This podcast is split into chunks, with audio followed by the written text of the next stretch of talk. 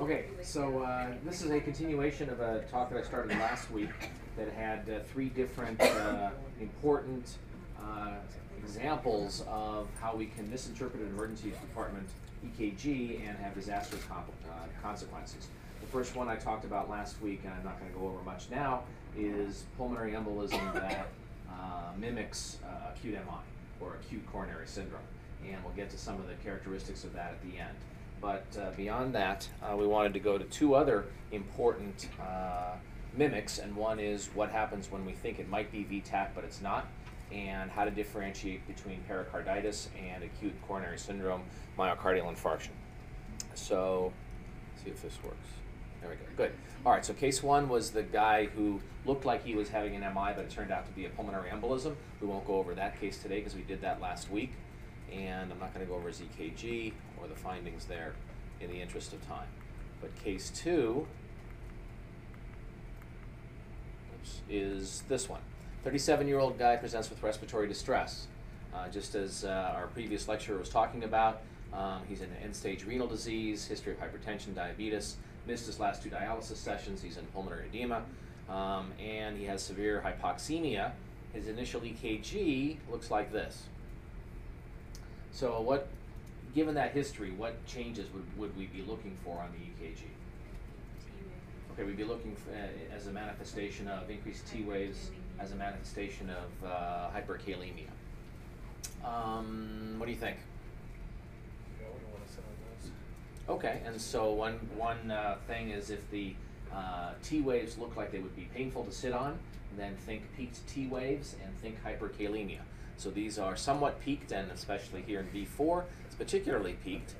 Well, in this particular case, uh, they gave him a non-rebreather mask. Um, they decided to intubate him. I guess they didn't go through the uh, issues of BiPAP versus uh, intubation. They gave him etomidate and succinylcholine, and his rhythm changed, interpreted as VTAC to this. All right, so he went from the previous EKG to this wide, complex, very, very wide, complex, bizarre uh, rhythm, and this was interpreted as VTAC, and lidocaine uh, was given. This was perhaps a little bit, uh, a little uh, time ago, although you could have given amiodarone also, and he did that. All right, and this is not transient. All right, so this VTAC was misinterpreted as such, and had a, a bad outcome. Third case that uh, pique our interest in this talk is a 38-year-old lady who presented with chest pain. Her only cardiac risk factor was hypertension. Uh, the pain got worse when she deeply inspired, when she laid back, and improved by sitting up. Uh, and the EKG was interpreted as acute pericarditis. So this was her EKG. So how would you interpret this? Narrow sinus. Okay, narrow complex, good. Sinus, there's a P wave before every QRS complex in lead two. Clearly biphasic P waves in V1. So sinus, uh, maybe tachycardia, 300, 150, 100. Yes, about 130, 120 or 130 beats a minute, so it's tachycardia. So uh, this was interpreted as uh, sinus tach. And what do you guys think of her ST segments and PR segments? This was interpreted as pericarditis. I think they're elevated in the inferior leads, but. Okay, it's elevated here, here, and here. Um, So elevated or depressed. But there might be a scotch of PR depression here. So anyway, it was interpreted as pericarditis, and this is what happens. So the intensive care doc sees the patient, uh, agreed with the diagnosis of pericarditis, admitted the patient to the ICU. Uh, first set of cardiac markers are normal. Second set are markedly elevated. Patient's transferred for PCI emergently, turns out to be an MI. All right, just to look at the EKG again, what you guys picked up was, was correct. This ST elevation here, here, and here is an inferior wall MI versus pericarditis. There's also four, five, and six. Here, here, and the other thing that we'll talk about is that there's reciprocal changes here in AVL versus lead three. So we'll talk about Is that that as we go. PR, do you think, really just an old Q wave that maybe this person had? In what lead? The, like the two, the PR depressions that were, Here? yeah. You don't generally, well, it looks like it's a little bit depressed, but the preponderance of evidence is that it's an MI as opposed to pericarditis. So I don't know the answer to your question, but we'll, we'll talk about the different criteria as we go along. It's lead one. Okay, so the pulmonary embolism we talked about last week. Talk about ventricular tachycardia mimics now and pericarditis versus acute MI. All right, so now I'm going to skip these because these were the PE simulators that we talked about last week.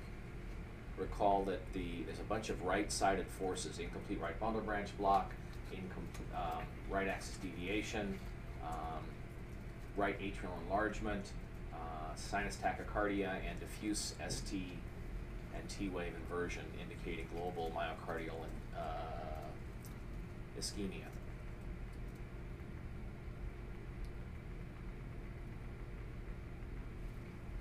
Alright, get through all of these. Two slides. There we go. Okay.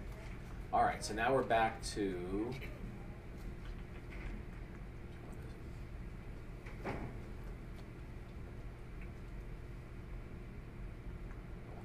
Yeah. Okay. So. All right. Good. Now we're ready to go. Okay. So slow VTAC. VTAC mimics. The ventricular tachycardia is defined as a rate of at least 120 beats per minute. So if you don't hit 120, don't call it VTAC and think about other other causes. Uh, hyperkalemia. Um, we'll talk about that. Type 1A medication toxicity, including cyclic, cyclic antidepressants and cocaine. And reperfusion arrhythmias, accelerated idioventricular rhythms. We'll talk about that too. So the problem with treating slow VTAC as real VTAC is that the medications that you might use are uh, contraindicated and dangerous. May cause asystole. So in this article, wide complex tachycardia due to hyperkalemia, misdiagnosed as VTAC, as I showed earlier, the treatment with lidocaine-induced asystole. And you get similar results when you treat accelerated idioventricular rhythms, which are basically slow VTAC between 100 and 120, wide complex with either lidocaine or amiodarone. We'll get to a uh, EKGs on that in a minute. So let's look at a, uh, similar case of the VTAC mimics that starts with a 42 year old man, fever, cough, dyspnea, and vomiting. History of liver cancer, severely dehydrated, appears uh, sick and toxic. He's febrile, he's tachycardic, and he's hypoxic. The chest x ray shows multilobar pneumonia, and his EKG is this.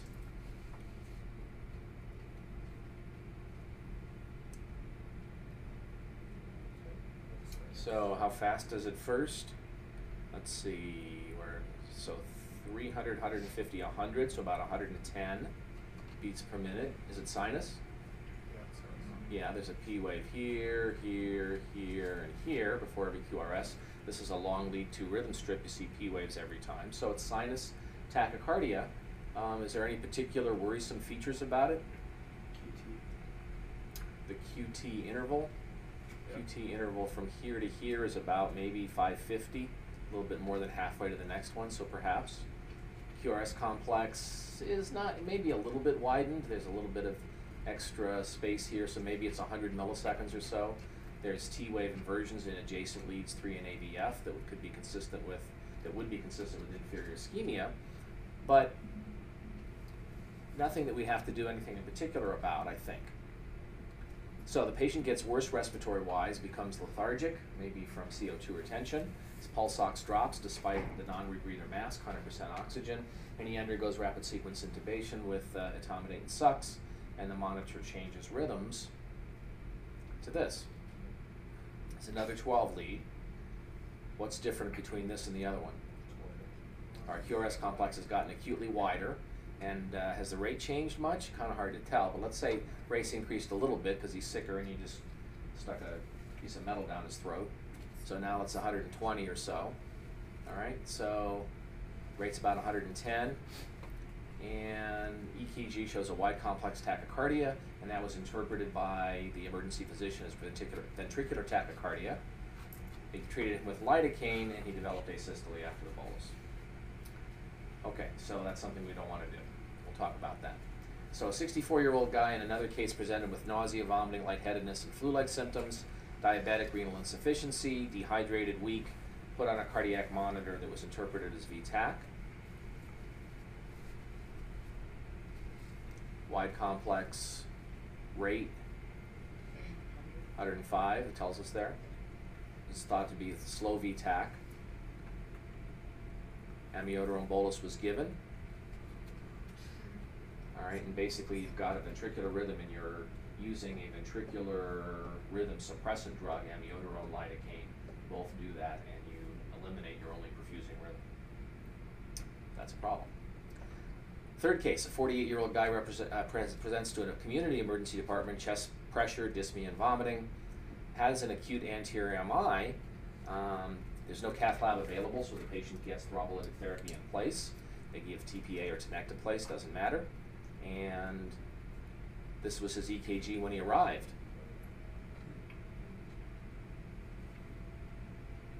So what do you guys think of this EKG? Okay, looks like a STEMI, so it's a sinus rhythm.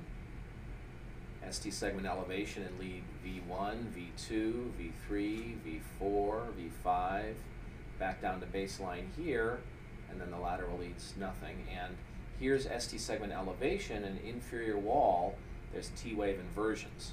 So the concept of reciprocal change is something to understand. Reciprocal change is nothing more than given an EKG finding, if you look at that same T wave inversion or ST elevation from a different angle, what would it look like? And we know that lead V1 and V2 are here, V1 and V2 are in the, in the um, precordial leads here in the front, and lead 3 is in the limb leads at 30 degrees down this way.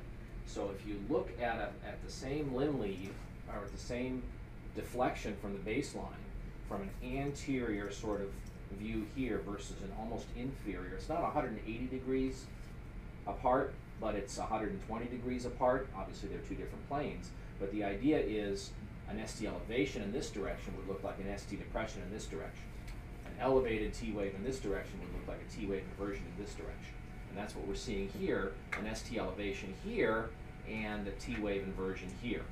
All right, see how they're not mirror images of each other, but they're sort of like that because it's not 180 degrees, it's say 120 degrees. And the other phenomenon is that with reciprocal change, the larger one, the larger deflection begets a smaller deflection. All right, and so if you have lots of ST elevation anteriorly, you get less ST depression T wave inversion inferiorly. All right, and if you have lots of ST segment elevation inferiorly, you get less ST depression anteriorly. All right, so it's just so just think of it as a mirror image, but not quite. So here with the MI, we've got mirror image or reciprocal changes between the anterior leads and the inferior leads. Okay, and that's a characteristic of an MI. It's not a characteristic of pericarditis that we'll get to in a minute. So narrow QRS, and they give the guy the thrombolytics, and his rhythm changes to this.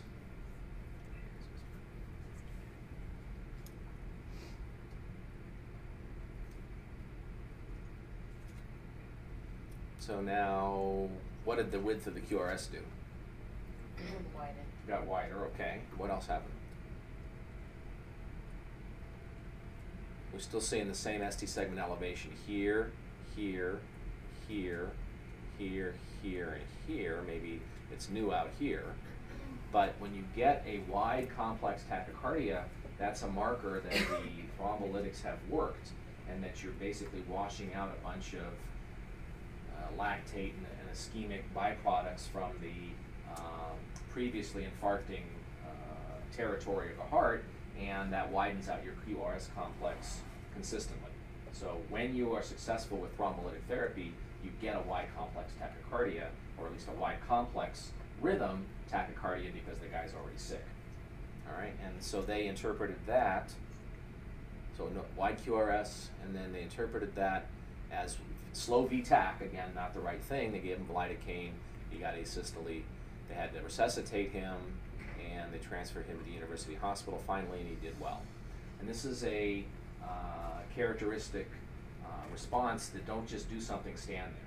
So once you give your thrombolytics, if your rhythm changes abruptly, the best thing you can hope for is that your ST segments come down to baseline and you're done. But what commonly happens before that ST segment resolution is that you get a wide complex rhythm at 100 or 120 or so, and that's called the accelerated idioventricular rhythm.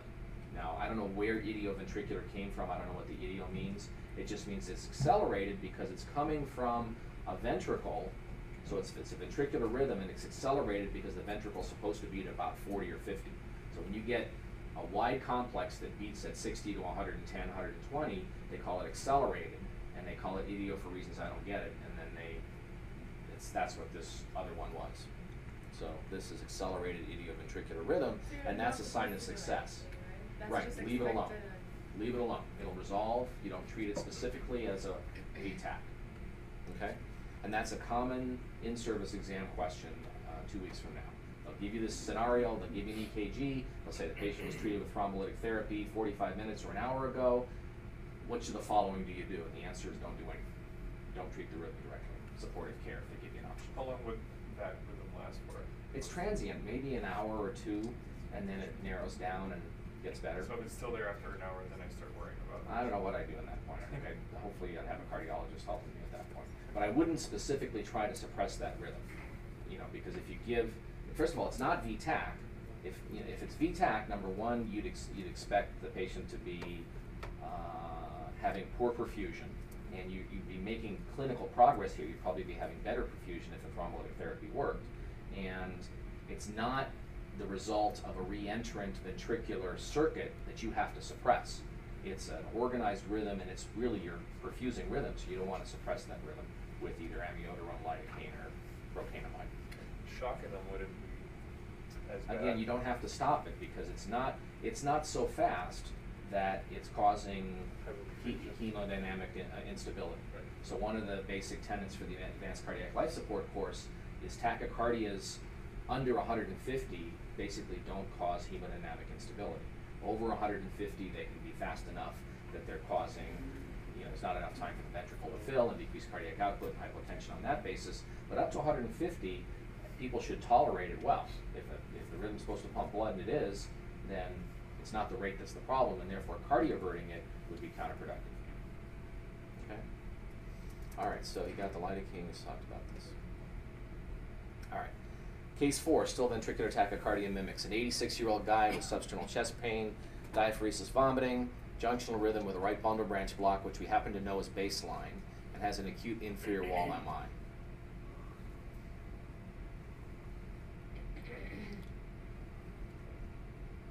All right, so what do we see here?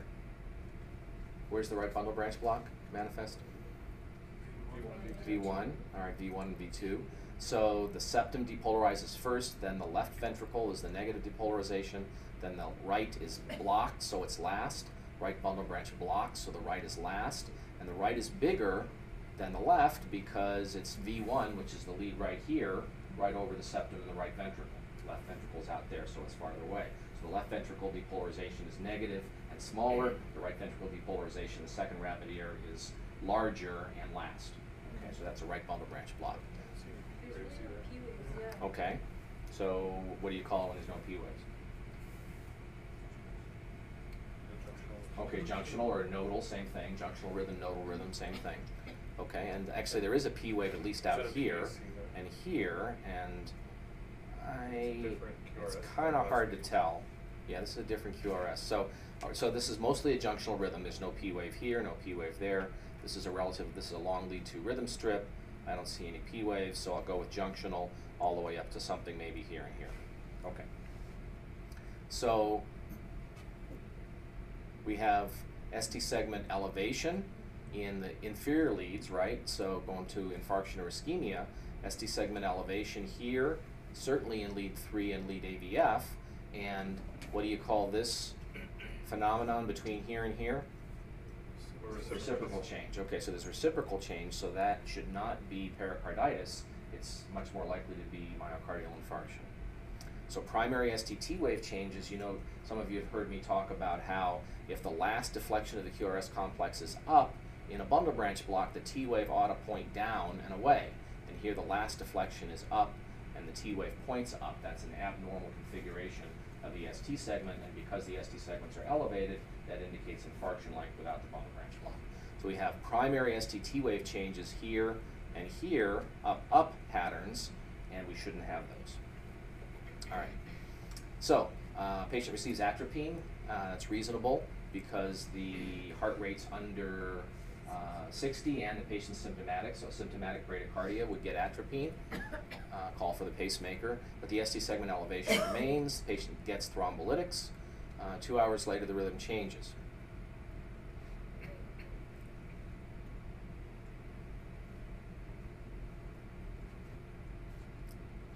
So this is a time when we high five each other and say we're getting reperfusion. This is good. All right, but this was interpreted as VTAC. How fast is it?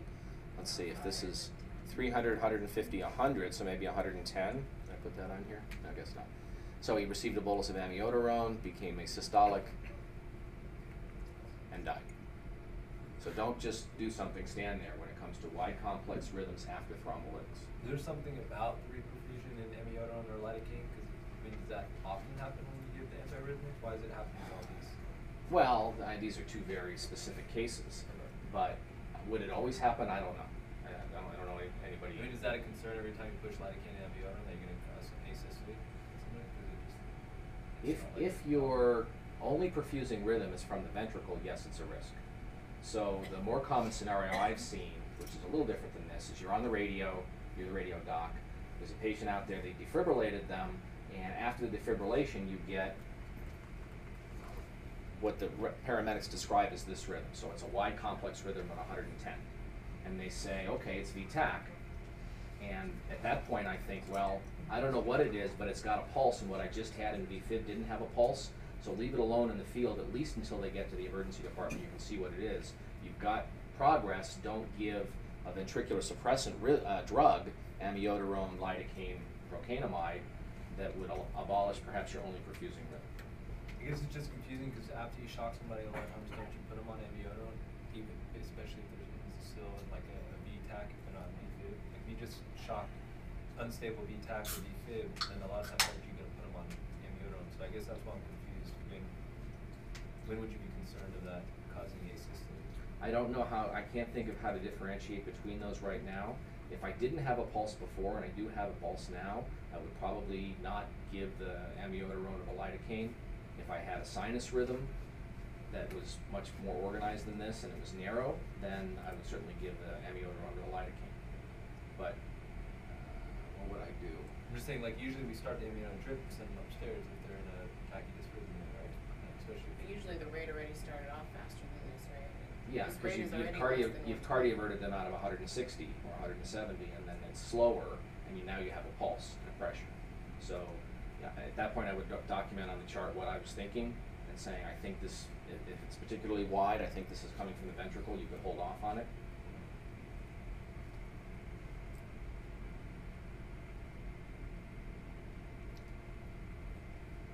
Okay. 30 year old lady found unconscious in the apartment, no obvious trauma. Heart rate's 130, reps are 20. She's febrile and hypotensive. Skin is hot to the touch, dry skin, wide pupils, minimally reactive, and she has a seizure on arrival at the emergency department. So, what are your suspicions clinically about this? Okay, so an anticholinergic poisoning, tricyclic poisoning. And her EKG looks like this. So maybe this is during her seizure.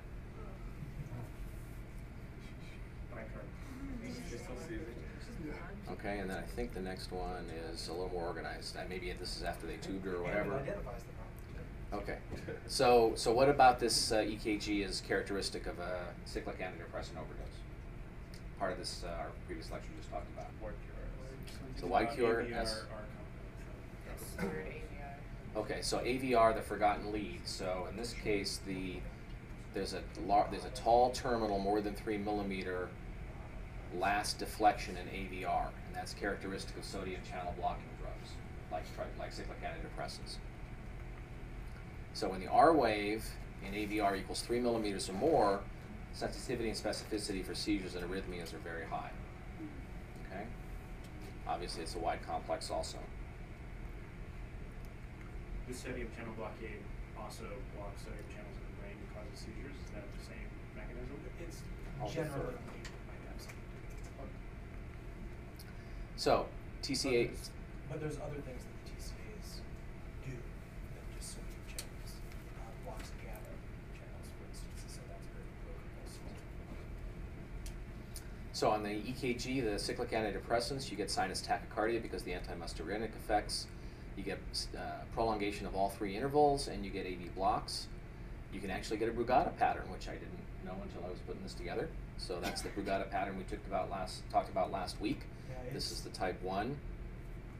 It's not exactly a Brugada pattern. It mimics most of what a Brugada pattern is. So you'll see case reports and case series all the time talking about how some sodium channel blocker drug overdose caused Brugada.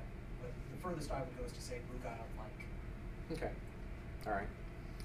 And the mechanism we just said was the sodium uh, channel blockade, shows slows the phase zero conduction, widens your QRS complex out, gives you the seizures and the ventricular arrhythmias as soon as the QRS goes wider than 100. So if you're the radio doc and they find a patient with a suicide note and a pill bottle next to them, and they have a wide complex rhythm, we're supposed to treat them with what in the field to prevent them from seizing and having having ventricular arrhythmias sodium bicarbonate in the field. So this would be, it's really all the evidence you need is a wide complex in the setting of a clinical picture that fits an overdose, and you should treat with bicarbonate in the field.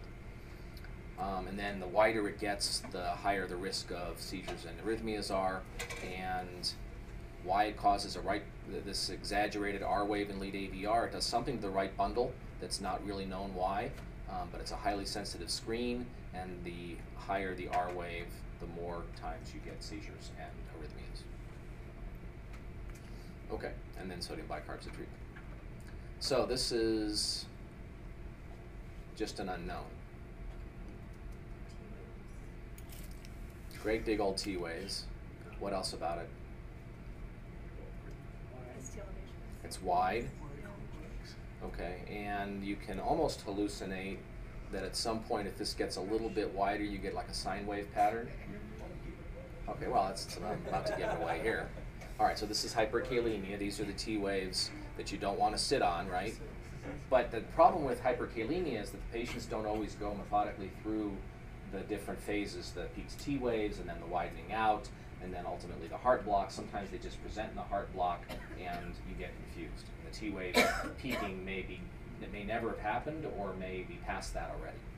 So that's the classic, and then they go into that if you don't treat them quickly. That looks like. Torsade. Maybe. I mean, is there enough waxing and waning of the? Yeah.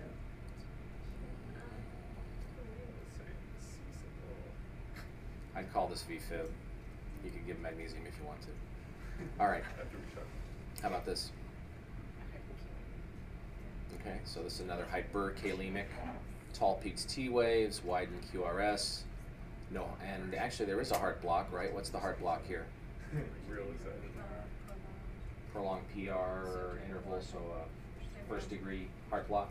All right, so as it gets worse, so here's a long PR interval. This is about 5, 10 small boxes, almost 400 milliseconds between there and there. So first degree AV block plus the uh, peaks T waves of hyperkalemia. 8.7. All right, so beware of slow VTAC. Consider the cyclic antidepressant overdoses, accelerated idioventricular rhythm after thrombolytic therapy.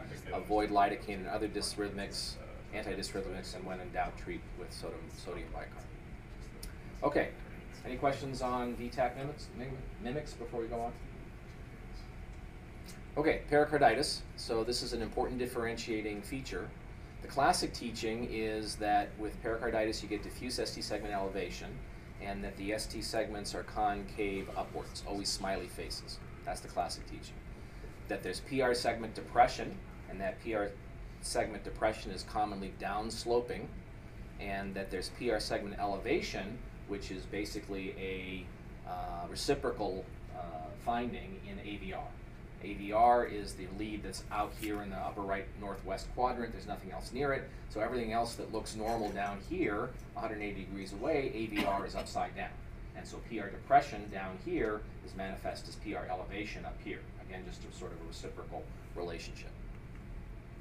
The chest pain for pericarditis is usually positional and pleuritic, um, often uh, with a, well, sometimes with a friction rub, I think 16% or something like that. Um, but that friction rub is evanescent, it comes and goes. Uh, classic teaching also is that there's diffuse ST segment elevation. Oh, we just did this concave upwards, but the reality is that there can be focal pericarditis. Most pericarditis is global, and you see the ST elevation in anterior, inferior, and lateral leads. But some pericarditis can be only inferior, where you can confuse it with an inferior wall MI, or only anterior with the same confusion. Um, but the pearl to remember is that with pericarditis, there's no reciprocal ST segment depression. So those, what I just talked about, is not there. So the ST segments, if they're anywhere, are up all the way through the tracing. Or what's up does not have reciprocal ST depression in the other, other distribution. The concave upwards is good, except that some MIs also have concave up smiley face stuff. Obviously, if it's down like this, convex, then that's a tombstone badness MI, but some MIs also have the smiley face concave ST segment, so don't get entirely fooled. Um, all right. So the other thing about pericarditis that I didn't know until I put this together and, and learned from Dr. Mattu is that if you have ST segment elevation in lead 2 greater than lead 3, that strongly favors pericarditis, and vice versa, vice versa strongly favors an MI. Now, how do you remember that? That's tough to do, I have to admit, but you could look it up if you had an EKG that had ST segment elevation with confusing ST segments, and you'd look you'd look up ST segment in lead two versus lead three and see which one it favors. MI worse than pericarditis three greater than two? MI worse than pericarditis three greater than two? Good, I like it. All right, we got, we have a way to remember it now.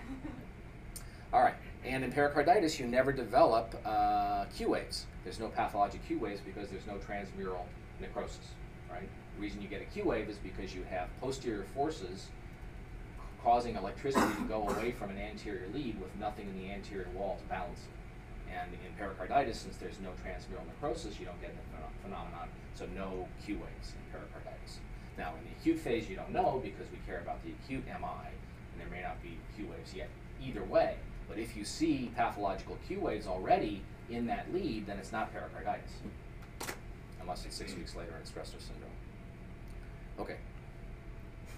So, PR segment depression, primarily in viral pericarditis, often early and transient, lasts for a few hours. The PR segment depression. It's usually present when the patient hits the emergency department, or at least that's when we diagnose pericarditis, so uh, we only diagnose it when it's present. And it actually represents an atrial injury pattern, um, which is interesting. Whenever there's injury to the surface of part of the myocardium, the ST segments uh, change direction. And then the PR segment elevation in AVR is the uh, is the reciprocal change for pericarditis, but the caveat is it can also be present with an acute MI. This is different when Dr. Um, what's his name? An, Anand, Swaminathan. Swaminathan. What he was saying was that the AVR lead shows an MI when the ST segment is elevated. This pericarditis finding is the PR segment elevated, so they're different. Okay, so here's uh, an EKG. What do you think of the ST segments here?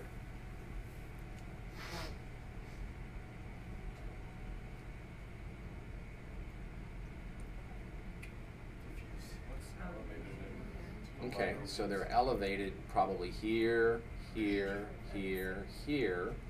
Goes back to normal there. There's a little ST segment elevation here, none there. So anterolateral, and are they all smiley face?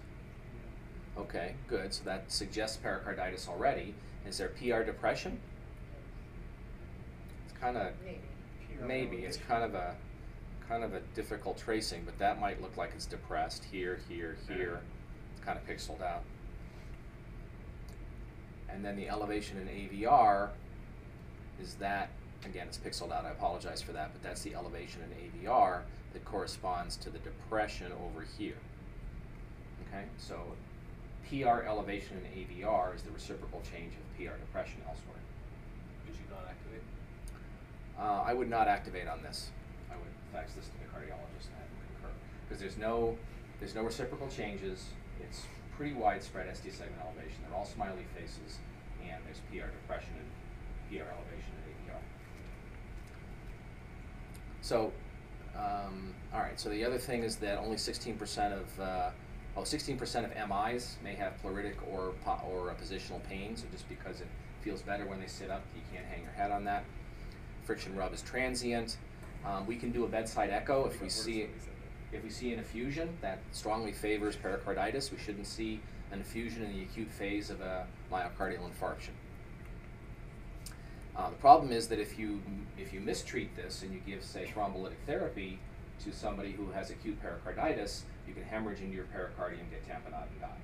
So, uh, among other reasons why uh, PCI is better than thrombolytic therapy is that you wouldn't be harming the patient.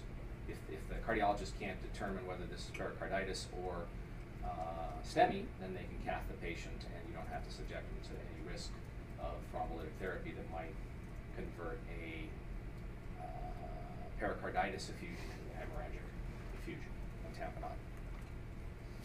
Okay, here's a couple of unknowns.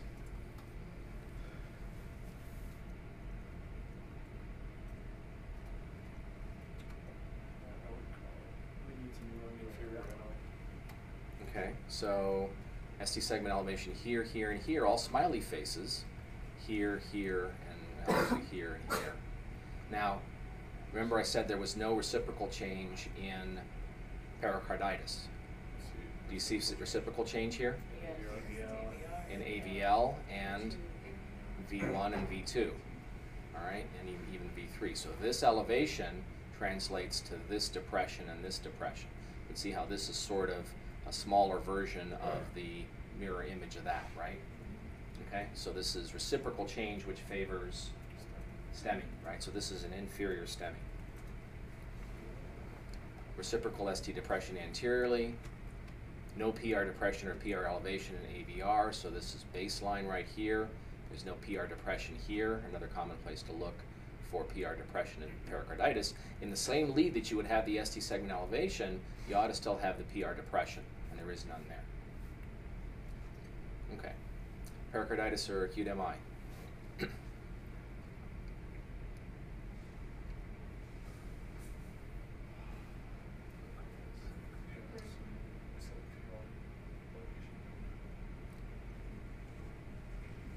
So there's obviously ST segment elevation in V1, 2, 3, 4, 5, 6, and even lead 1 disappears by AVL. What's the configuration of the ST segment? Flat, and over here, sad face, right? Remember, all, at least all of the pericarditis I've shown so far have had definite ST segment concaves, smiley faces. I don't see enough smiley faces here to make me comfortable. Plus, the ST segments are quite a ways up in all of these. And what else is present? The fact that you have no R wave there can be a normal variant, but there's no growth of an R wave here, here, here, here, or here. Remember, your R wave ought to be bigger than your S wave by V4. You need to grow myocardial mass as V1, 2, 3, 4, 5 as your leads go out here, you're over the mass of the left ventricle, there should be positive forces coming out of the V4 lead, at least as big as the V as the negative forces behind it, and there's no positive R wave here in V4 at all. So that means these are what kind of Q waves? Dead ones. Dead ones, pathologic Q waves. All right, so there's dead myocardium, and you, do you get dead myocardium with pericarditis? No. All right, so this is an MI. Now, it's a far advanced one because there's all those Q waves, there's lots of dead myocardium, but by the same token, the ST segments are still up, and so there's still myocardium at risk. There's still myocardium that is, that is electrically alive enough to evidence a injury pattern with ST elevation. So this patient would still be a prime candidate for intervention, thrombolytics, or So why no reciprocal changes? uh, good question. The Patient didn't read the textbook. Why no reciprocal changes? I don't know. So if you don't have them, you can't say it's not. You know, I didn't read anything that said said that. I think this. I mean, a lot of these. The reason that there's that I'm talking about it is that yes, these are confusing, and you're going to need your cardiologist to help. And there's going to be a case in here a little later where everybody was confused. All right. So convex meaning sad face ST segments, well-developed pathological Q waves, no PR depression or PR elevation in AVR. How about this one? One comment, the only way you can possibly make this into pericarditis is if this person had previously had a very large MI and had a large ventricular aneurysm, so had these some large Q waves and then the ST segment elevation, uh, that's another issue that, that, that comes up with the confusion of pericarditis with ST segment elevation versus, uh, ventricular aneurysm. Yeah, so six weeks after your MI, you can get Dressler syndrome, which is a pericardial effusion and, and repeat chest pain and inflammation of the pericardium, and that's really, uh, that, the EKG is gonna be hard to ferret out, but the history is gonna be, I had an MI six weeks ago, and now you've got these changes. It's something you consult with your cardiologist quickly about. All right, how about this one?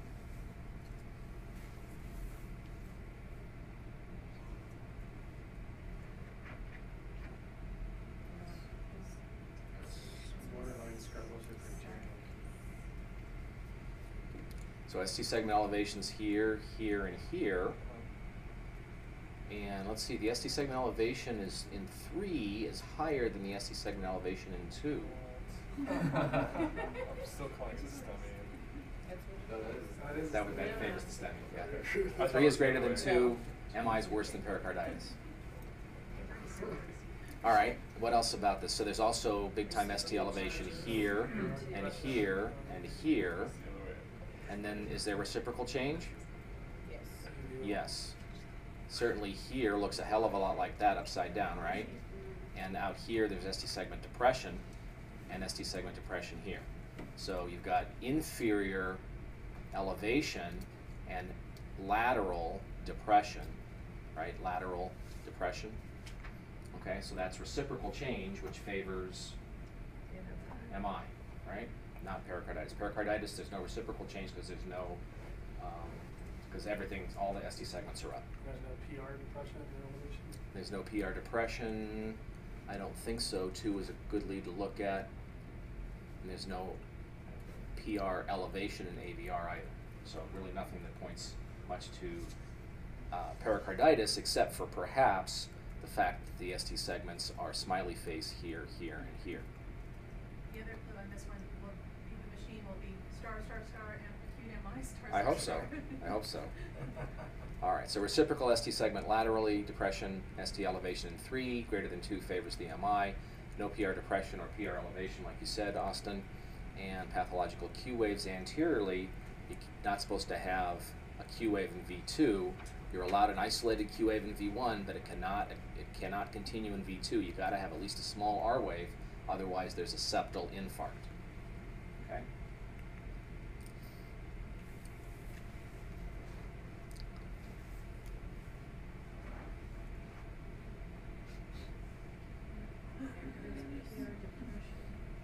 PR depression.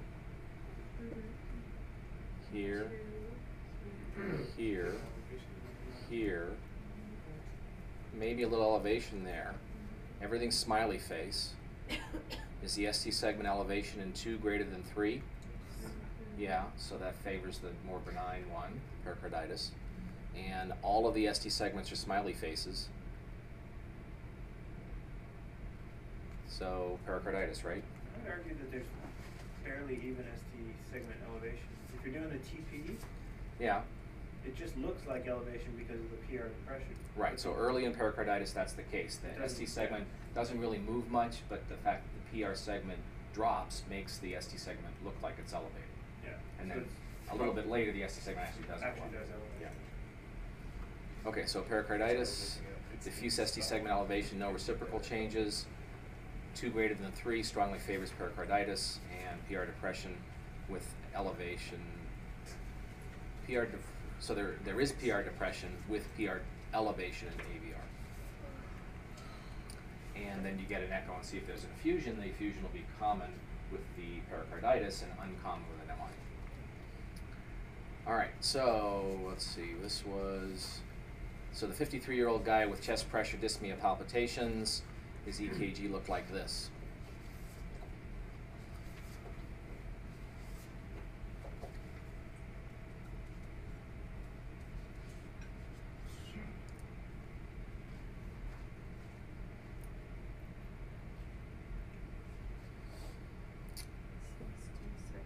PR is a hair down, not really elevated.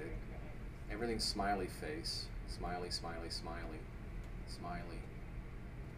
The ST segment elevation in lead two is probably greater than three, so I'd call this pericarditis. The patient was diagnosed with an acute MI, treated with aspirin, beta blockers, nitroglycerin, heparin, and TPA. Four hours later, he decompensates with hypotension, dyspnea, tamponade, and he's treated with all that stuff in emergent surgery. And I don't remember whether he survived or not. Okay. So this is his EKG again. So this was diagnosed as an MI, but it wasn't, and his he had a com- complication of the thrombolytic therapy. So pericarditis, all concave ST segments, PR depressions in lead V in lead two and V four, five, and maybe six. No reciprocal changes, and the ST segment elevation is greater in lead two than in lead three. So that all favors pericarditis. 36 year old guy presents with jail, from jail with chest pain to dyspnea. Uh, the chest pain's positional, doesn't change with nitroglycerin, smokes and has high blood pressure. They took an EKG at the jail and he had this. This is a different configuration than we're used to looking to at. This is lead 1, 2, 3, AVRLF, V1 through V6. Needed a break from jail.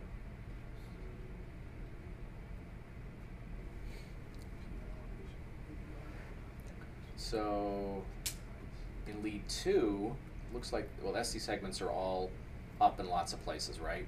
But they're all smiley face. And there's PR what?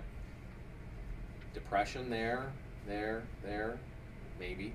AVR, there looks like there's PR elevation, doesn't there? Alright, so it's looking like pericarditis. AVF. Um, sometimes patients just are kind of isoelectric in a given lead and they just don't really deflect much from that direction. The vector sort of goes all just around in a circle as opposed to pointing in any one given direction. So you can have that. Okay, so pericarditis, all concave ST segments, PR depression we looked at, no reciprocal changes, and ST elevation in two is greater than three. Three, there's not any at all. So, let's see. Is this the other guy?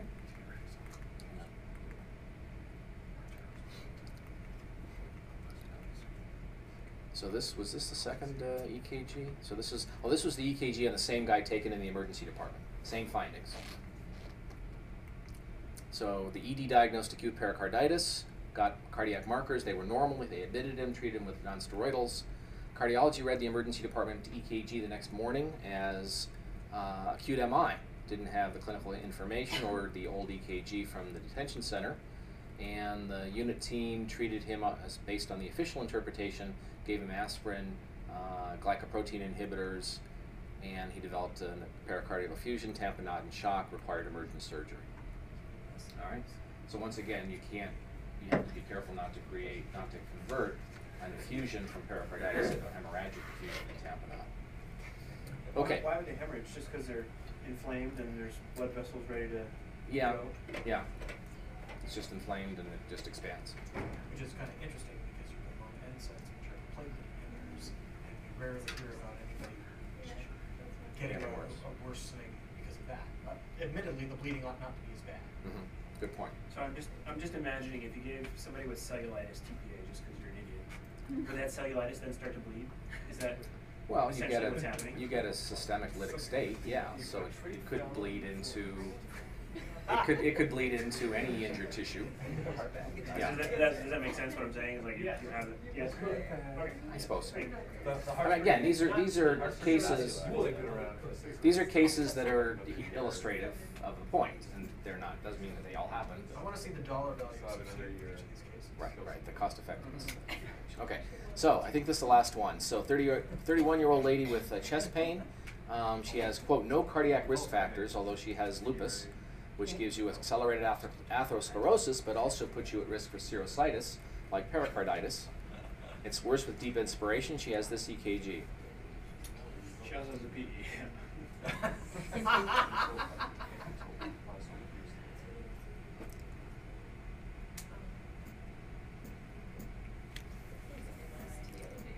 so ST elevation, whoops, wait a minute.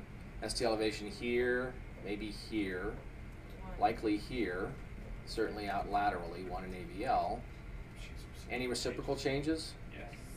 I would say, yeah. Here, okay. And That's, it's just kind of interesting how noticeable it is in one in AVL and how not noticeable it is in V5 and 6. in V5 and V6, yeah. Well, you can have MIs that are only part of the high lateral wall, and, v, and lead one in AVL, or these are the lateral leads. V5 and V6, one and AVL are sort of high lateral leads. It's a different plane, but yes, you can have isolated infarctions there. In fact, this is the only place where you can call an infarction based on a single lead because AVL doesn't have anything next to it, right? AVL is 30 degrees above the horizontal here. There is no lead on the other side, so the usual convention that you can't make a diagnosis of ischemia or infarction unless you have two contiguous anatomical leads, you can make the diagnosis if you've only got AVL, at least be suspicious of it because there's no adjacent lead on that side. What about earlier when he was talking about the ST elevation and AVR? What about it? Uh, wasn't that a, a situation Oh. where there was a single lead? Okay, yeah, again, he, as he said, the AVR is the forgotten lead and I forget about it, so AVR, single elevation in, uh, of the ST segment in AVR can be a diagnostic criteria for an LAD occlusion. Yeah, good point. You're listening, good. All right, so this patient, this lady was diagnosed as acute pericarditis, the lupus lady. Cardiology consulted, agreed with the diagnosis based on the age, absence of cardiac risk factors, pleuritic description of the pain, PR elevation, and AVR. Maybe. They said it's probably uh, pericarditis, but the EKG is concerning. Please correlate. Right, so they got cardiac markers to begin with. The second set of markers after two hours were markedly positive. Immediate transfer for catheterization. She had an LAD lesion, which was stented. And so this is something to remind us that when we're trying to differentiate between pericarditis and acute MI, that we should get EKGs more commonly than every six to eight hours. That's sort of the, the upper limit of when you get them routinely if you're not particularly worried about a patient. But getting EKGs at more frequent intervals, even after 30 minutes, is important because dynamic changes mean there's an MI. The, the pericarditis EKG is not going to be changing over a period of 30 minutes, but the MI will. The ST segments will be changing, going up and down, depending on the level of injury and ischemia, and uh, we should get a second EKG that we're worried about a patient uh, in a half an hour. Don't even have to wait two hours, although getting a second set of markers in two hours is reasonable. You might, could even make the diagnosis earlier if you got the EKG earlier. All right, we sort of get into this uh, cycle of we don't have to get another EKG until six hours or if they have different symptoms. But if they're still having ongoing symptoms and we're confused about whether to activate, get another 30 minute EKG and see where you go. All right, so this was just her again, in the interest of time. It's an MI. Only AVR might have a scotch of PR elevation, none of the other leads do. We have the reciprocal changes between lead AVL and lead 3. Okay, so summary for pericarditis versus acute MI. The factors that favor the pericarditis are the pronounced PR depression in multiple leads. Uh, the friction rub, if you have it, is a nice specific finding. And an effusion on an echo is a specific finding as well. ST segment elevation in 2 greater than 3. And the ones that favor the acute MI are the reciprocal changes, the convex downward or sad face ST segment, any new pathological Q waves, and the converse ST segment elevation in 3 greater than 2. So that's the ST segment, just to say that's the convex up, smiley face stuff, and generally in pericarditis. And this is the concave, sorry, concave up, convex, sad face tombstone with MI, just as an illustration. So, uh, without spending too much time, remember that patients can have diffuse, what looks like diffuse ischemia for um, uh, a PE, a hemodynamically significant PE, and that patients with uh, peaked T waves don't have to have them that peaked, and if you give them succinylcholine, which increases their uh, potassium by about a half a milliequivalent per liter, that can throw them into what looks like a slow VTAC, but it's not, it's a hyperkalemic rhythm. And you can get that, and if you give them a ventricular rhythm suppressant like lidocaine or amiodarone, you can get that. And that if you have uh, ST segment elevation, um, and the characteristics of a pericarditis. ST segment elevation greater in three than in lead two. You can misdiagnose pericarditis as well. Okay, so pulmonary embolism can mimic EKG changes that simulate acute coronary syndrome. Consider PE when the EKG has inverted T waves simultaneously in anterior and inferior leads because a single coronary lesion can't account for both of those. And beware of slow VTAC. Think about hyperkalemia, cyclic antidepressant overdoses, and accelerated idioventricular rhythm after thrombolytic therapy. Avoid lidocaine and amiodarone in that situation. Don't just do something, stand there. When in doubt, uh, try a sodium bicarb for wide complex uh, rhythms that are associated with overdose or have a tall R wave in AVR, and it also treats the hyperkalemia. And pericarditis isn't always classic. Um, things that favor pericarditis are the ST segment depressions in multiple leads, the friction rub, and what favors MI are reciprocal changes, the ST segment, any pathological Q waves, and when you're in doubt, get another EKG or get an echo and two hour markers. So, Dr. Mattu would say just because electrocardiography is a basic skill for emergency physicians doesn't mean that our skills should be basic. We need to be experts, and I hope I've helped you get a little closer to being an expert today. Thanks.